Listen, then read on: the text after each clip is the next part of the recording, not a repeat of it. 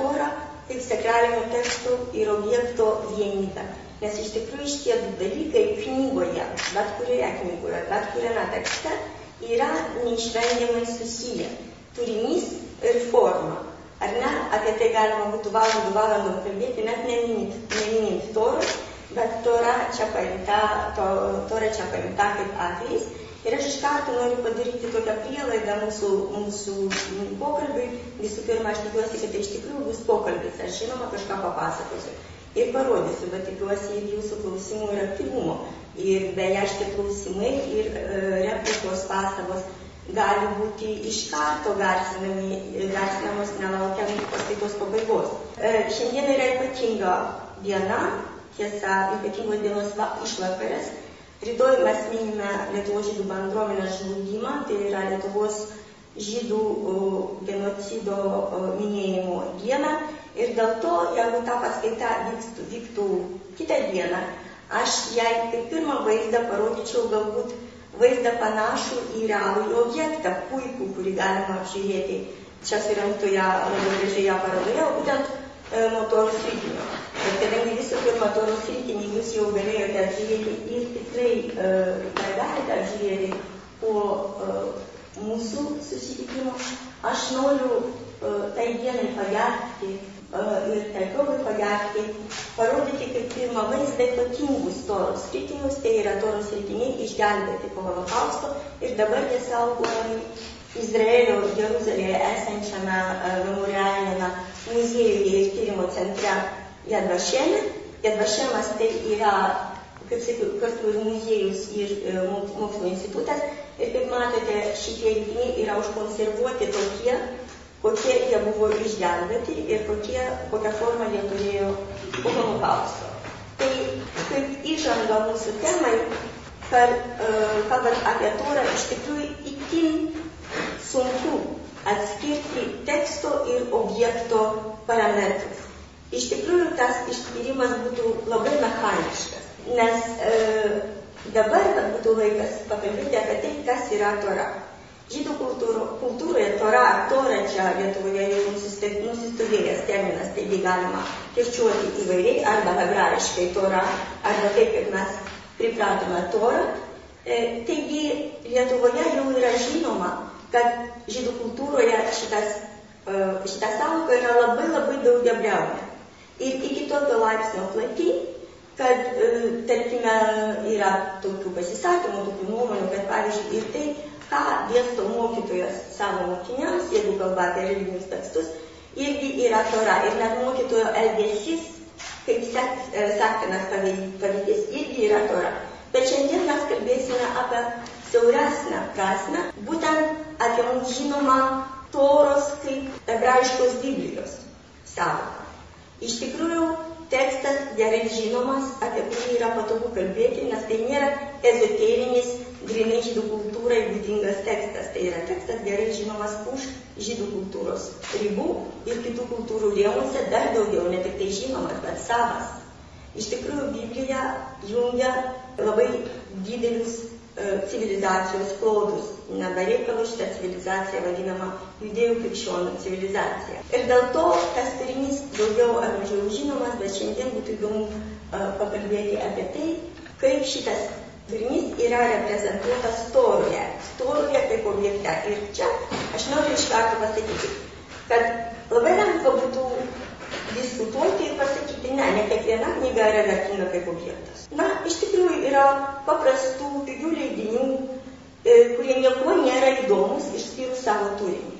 Dar daugiau, tokie turiniai dažnai yra paieškomi, ar ne, kaip prieinamas turinys, tikslėje ir perkeltame to žodžio prasme, pigus, tikrai prieinamas, tik tai susipažinimui su turiniu. Ir tą patį atrodytų, galima būtų pasakyti apie Biblijos leidimą hebrajų kalba. Tai jis nebus tora. Čia yra toks skelbumas. Tai būtų toros teksto leidimas, bet objektas nesivadins tora. Jis vadinsis kitaip ir dabar mes tai neįsime.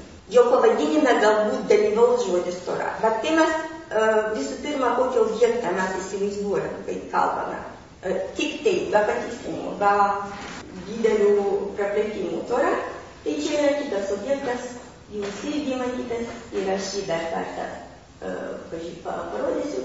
Štai yra Tora.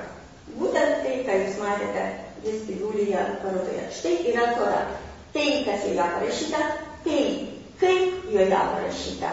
Ir tai, į kokią uh, aš nežinau, Batmaną, šiandien pasakytume, kokią mediją tai įdėta. Tik tai tai yra tora.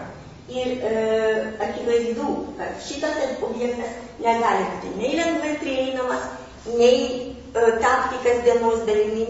Atrodytų jis labai egzotiškas, bet kita vertus, jeigu mes kalbėsime apie žydų kultūrą ir bendruomenę, jis tuo pačiu yra ir kasdienos dalimi ir aš pabandysiu tuos aspektus parodyti E, ir žydų bendruomenė išvysto su tuo objektu ir su tuo tekstu tokį, sakyčiau, šventąjį familiarumą.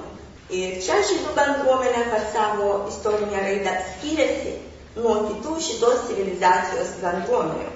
Kai, pavyzdžiui, mes lengvai prisimenam, kad e, per e, viduramžius krikščionių bendruomenė su tuo tekstų išvystė šventąjį nefamiliarumą. Tai kaip tik buvo to objekto statuso išsaugojimas taip, kad jis negalėjo būti lengvai pažintas, su juo negalima buvo lengvai ir betarpiškai bendrauti. Ir tai tas bendravimas arba šito objekto, šito teksto tiesos būtų tik taip perpasakotos tam įgaliotų žmonių visai bendruomeniai. Kalbant tokiu būdu arba bendraujant tokiu būdu, išlieka teksto didelė vertė ir net labai aukštas statusas, bet pats objektas, na, mm, kaip ir nedalyvauja ypatingai tuose santykiuose. Jeigu jis nėra matomas, jeigu nėra skaitomas, jeigu nėra įmamas į rankas, tai jis kaip objektas mažiau yra svarbus, o svarbus tikrai yra tik tai tekstas. O štai šitas vaizdas kaip tik parodo žydų bendruomenės per, per, per atstovą e, sąlytį su tuo tekstu Ir e, aš kaip tik dabar e, pradėsiu kalbėti apie tai, net ne kaip, bet visų pirma, kodėl yra susipažįstama su šituo tekstu. Ir čia mes turime pradėti, turime pradėti labai labai anksti, turime pradėti maždaug šeštame amžiuje uh, prieš Kristų, bet neišsigaskite, aš smulkiai ir detaliai nepasakosiu visų etapų, mums neužtektų, kaip Alma gerbiamoji pasakė, ne tik tai šitos paskaitos laiko, bet, ką žinau, pusės gyvenimo. Aš tik tai referuosiu pagrindinius šito kelio e, žydų bendruomenės ir to teksto sujungimo kelio kelrodžius pagrindinius. Taigi, ta data, kurią aš minėjau, daugiau ar mažiau šeštas, šeštas amžius Kristaus, tai yra kertinė data žydų istorijoje, tai data, kai prieš tai ištremta iš uh, Izraelio žemės į Babiloniją žydų bendruomenė grįžta į savo žemę, jai yra leidžiama grįžti ir jinai pradeda vėl atkurti savo gyvenimą. Tuo metu bendruomenės lyderiai nusprendė, kad tokie kataklizmai istorijoje gali pasikartoti, mes dėja žinom, kad taip ir vyko. Ir dėl to prisirišimas, emocinis, gilus prisirišimas prie savo žemės, prie savo, o, kaip ir bendruomenės, kaip, kaip savo grupės žmonių, buvimas kartu su jais, E, savo karalius net, net ir savo šventykla, nors ir yra labai svarbus dalykai, jie nėra stabilumo garantas. Ir stabil, kai aš čia kalbu apie stabilumą, aš kalbu apie tapatybės stabilumą.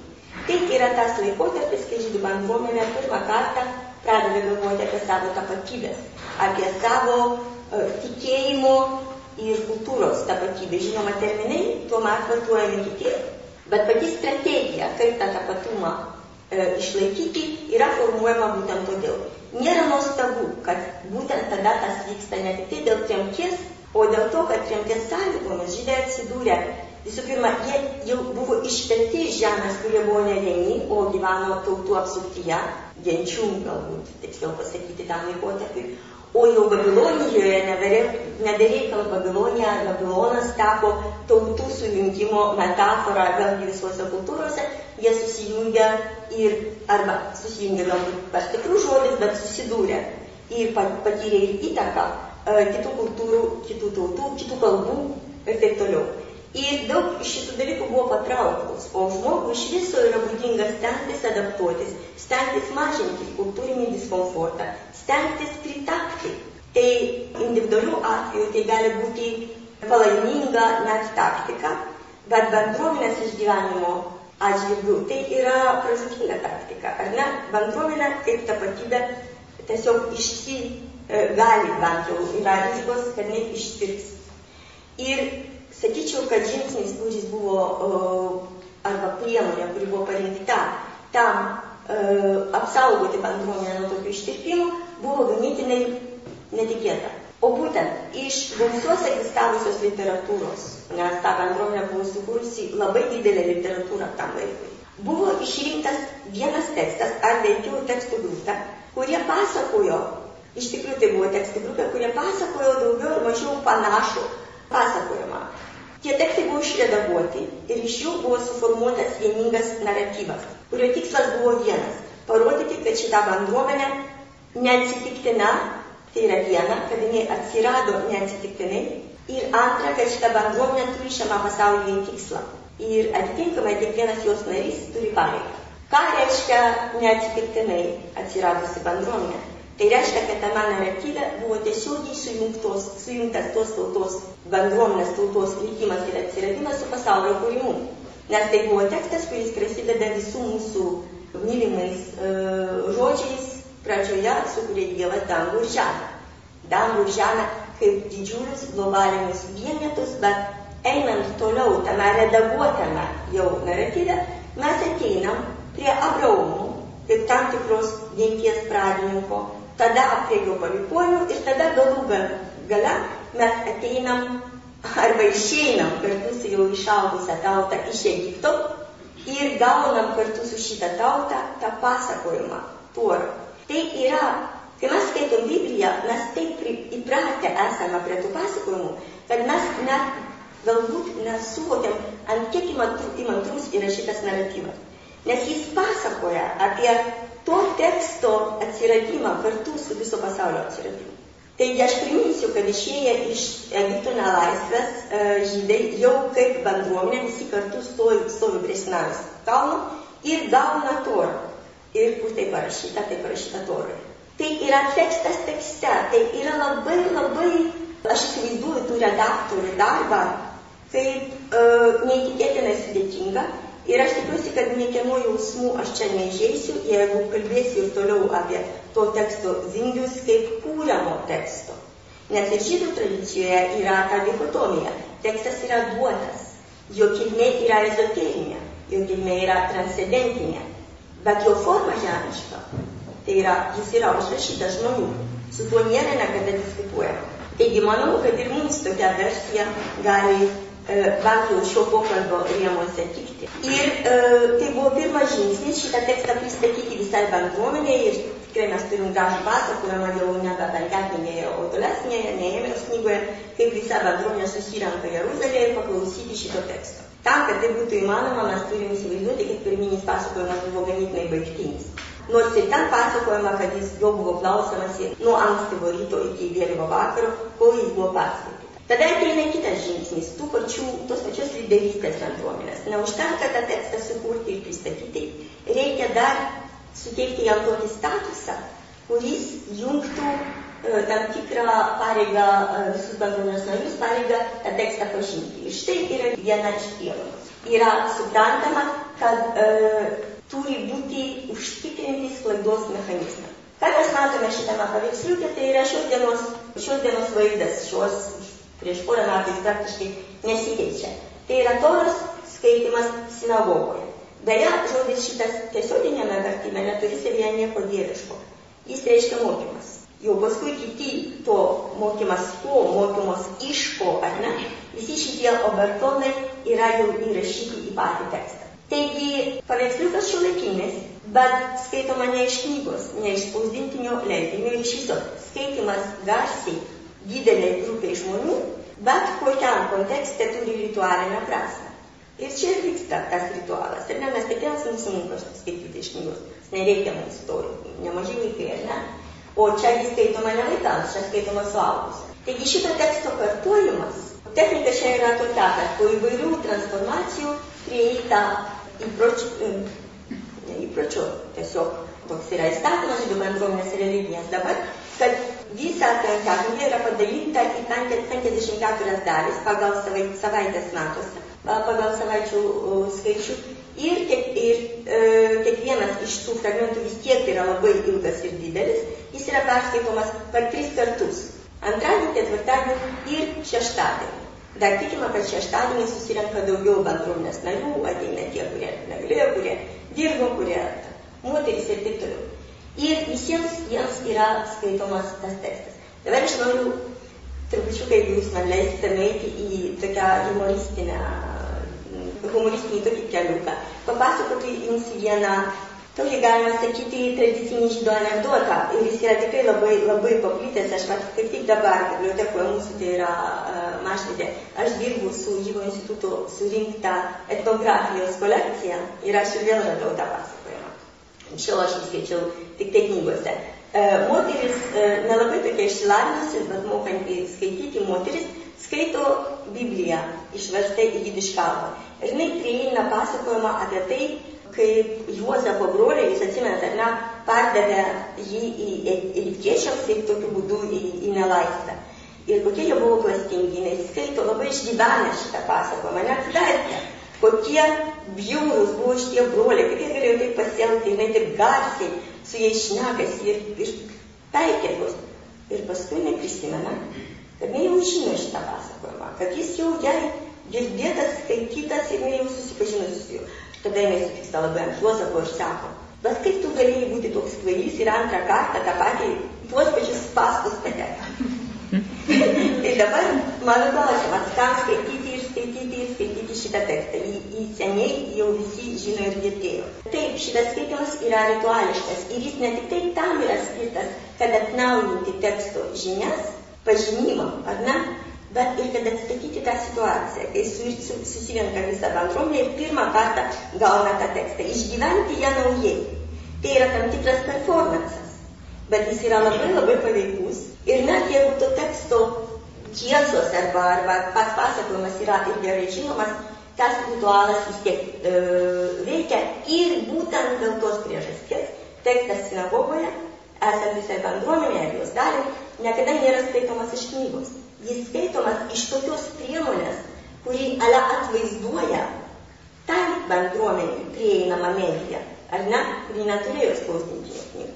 Viskas šiame paveiksliukė yra ne taip paprasta, kaip atrodo. Viskas atrodo labai paprasta, bet taip nėra. Tai yra šimtmečių, tūkstantmečių užkoduotas bendruomenės ir teksto bendravimo vaizdas. Žinoma, vėliau išsivystė ir kiti dalykai, kurie šitą tekstą padarė įpareigojantį ir tikrai formuojantį tautos tapatybę. Iš jos buvo išvesti religiniai įstatymai. Kaip elgtis?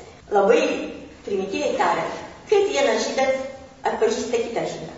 Ne per išvaizdą, nes žydai yra išbarstyti per visą pasaulį. Ne per drabužius, nes yra uh, žmonių, kurių net jie yra religingi ir vieni ir kiti, bet jų uh, įpročiai ir papročiai skiriasi ir drabužiai tai yra pirmas dalykas, kuriame atsispindi kultūrinė įvairovė. Odos spalva, viskas gali skirti. Bet jeigu tu gali ateiti į sinagogą ir gali dalyvauti pamalduose, kuriuose, į kurias įtraukti didelį teksto fragmentą ir tu gali kartuoti, ir tu gali tylėti, kada reikia, ir tu gali iš viso žinai, kada, kada reikia eiti ir kur yra sinagoga ir kas joje vyksta. Ir jeigu tu esi moteris, kur tau ten eiti, kad tu galėtum girdėti tekstą, ir jeigu tu esi vyras, kur tau ir taip toliau ir panašiai. Štai tos religinės praktikos jungia uh, iš tikrųjų bendruomenės atstovus ir daro juos atpažįstamais, jie visos šitos praktikos išvedamos būtent iš to teksto. Ir iki tokio laipsnio, kad kiekvienas šito objekto elementas yra siejamas su tekstiniu pagrindu arba pagrindimu. Atrodytų, kas yra šaltinio rankenos. Tai yra priemonė, kad patogiau jį išviniuoti ir suviniuoti. Ypatingai, kai priimta tą fragmentą skaityti tokiu būdu, kad išviniuojama iki to fragmento, tada jis perskaitomas ir toje vietoje paliekamas kitas e, tas e, pusrytinis tam, kad kitą, kitą kartą neieškoti, kaip užsklanda, ar ne, tokia. Ir atrodytų viskas, visa funkcija. Šis rankimas, kaip ir kiekvienas toros kritinio materialios formos uh, fragmentas, turi pavadinimą. Jis vadina, jos vadinasi, abi rankenos vadinasi vienaskaita gyvybės medis. Jie yra mediniai visada, bent jau Europos kultūroje, visada gaminami iš medžio. Ir tokiu būdu absoliučiai materialiai, arba, nu, bet tai yra tas atvejis, kai žodis tampa kūnu. Patarlių knygoje, tai yra jau už penkiaknygės ribų, bet vis dar hebrajiškoje Biblijoje esantis tekstas. Patarlių knygoje pasakyta apie Torą. Ji yra gyvybės medis juos prisilaikantiems ir tas, kuris juos laikosi, yra laimingas. Net du kartus ten toje frazėje per skirtingus sinonimus pakartota žodis laikytis. Tai atrodo laikytis, prisilaikyti, tai mums yra metafora, ar ne, laikytis taisyklių ir visą kitą. Ne tik tai, fiziškai laikytis už tą medį Ir kad toks dalykas vadinasi gyvybės medis, o iš kur gyvybės medžio e, metafora, tai mes irgi atsimename. Tai yra iš pradžių pradžios, iš Edeno sodo. Ar ne, kur buvo gyvybės medis ir gėrio ir blogio pažinimo medis. Ir gyvybės medis yra, galima sakyti, viso ko ištaka. Būtent apie tai sako tas tekstas. Ir kiekvienas e, valandų vedantysis, kuris atviniuoja toros rytinį, kad ir iki mūsų dienų laikosi fiziškai prisilaiko toros įstatymų kartu laikosi už gyvybės medį. Tai aš sakiau, kad e, santykis, bendruomenės santykis su, su tekstu tampa ir kasdienybė, ta šventą kasdienybė, ne ta sakralinė, sakralinis familiarumas. Aš būtent šitą turėjau omeny, kad yra milijonas smulkių detalių, kurie ne su ezoterina šito objektą, jeigu galite pasakyti, o su egzoterina jį gražina jį prie žmogaus, prie bendruomenės ir kodėl. Jeigu dalykas nėra tavo artimas, tikrai labai artimas tavo širdžiai, jeigu tu negali pajusti, tu kaip individas ir tu kaip bendruomenės narys negali pajusti sąsajos, tai bent jau taip galvoju tą kadaise veikusi bendruomenės lyderystę, tu ir ne, ne, negalima užtikrinti, kad tu ir prisilaikysi tų taisyklių ir tų įstatymų, kuriuos diktuoja šitas e, tekstas jau kaip turinys.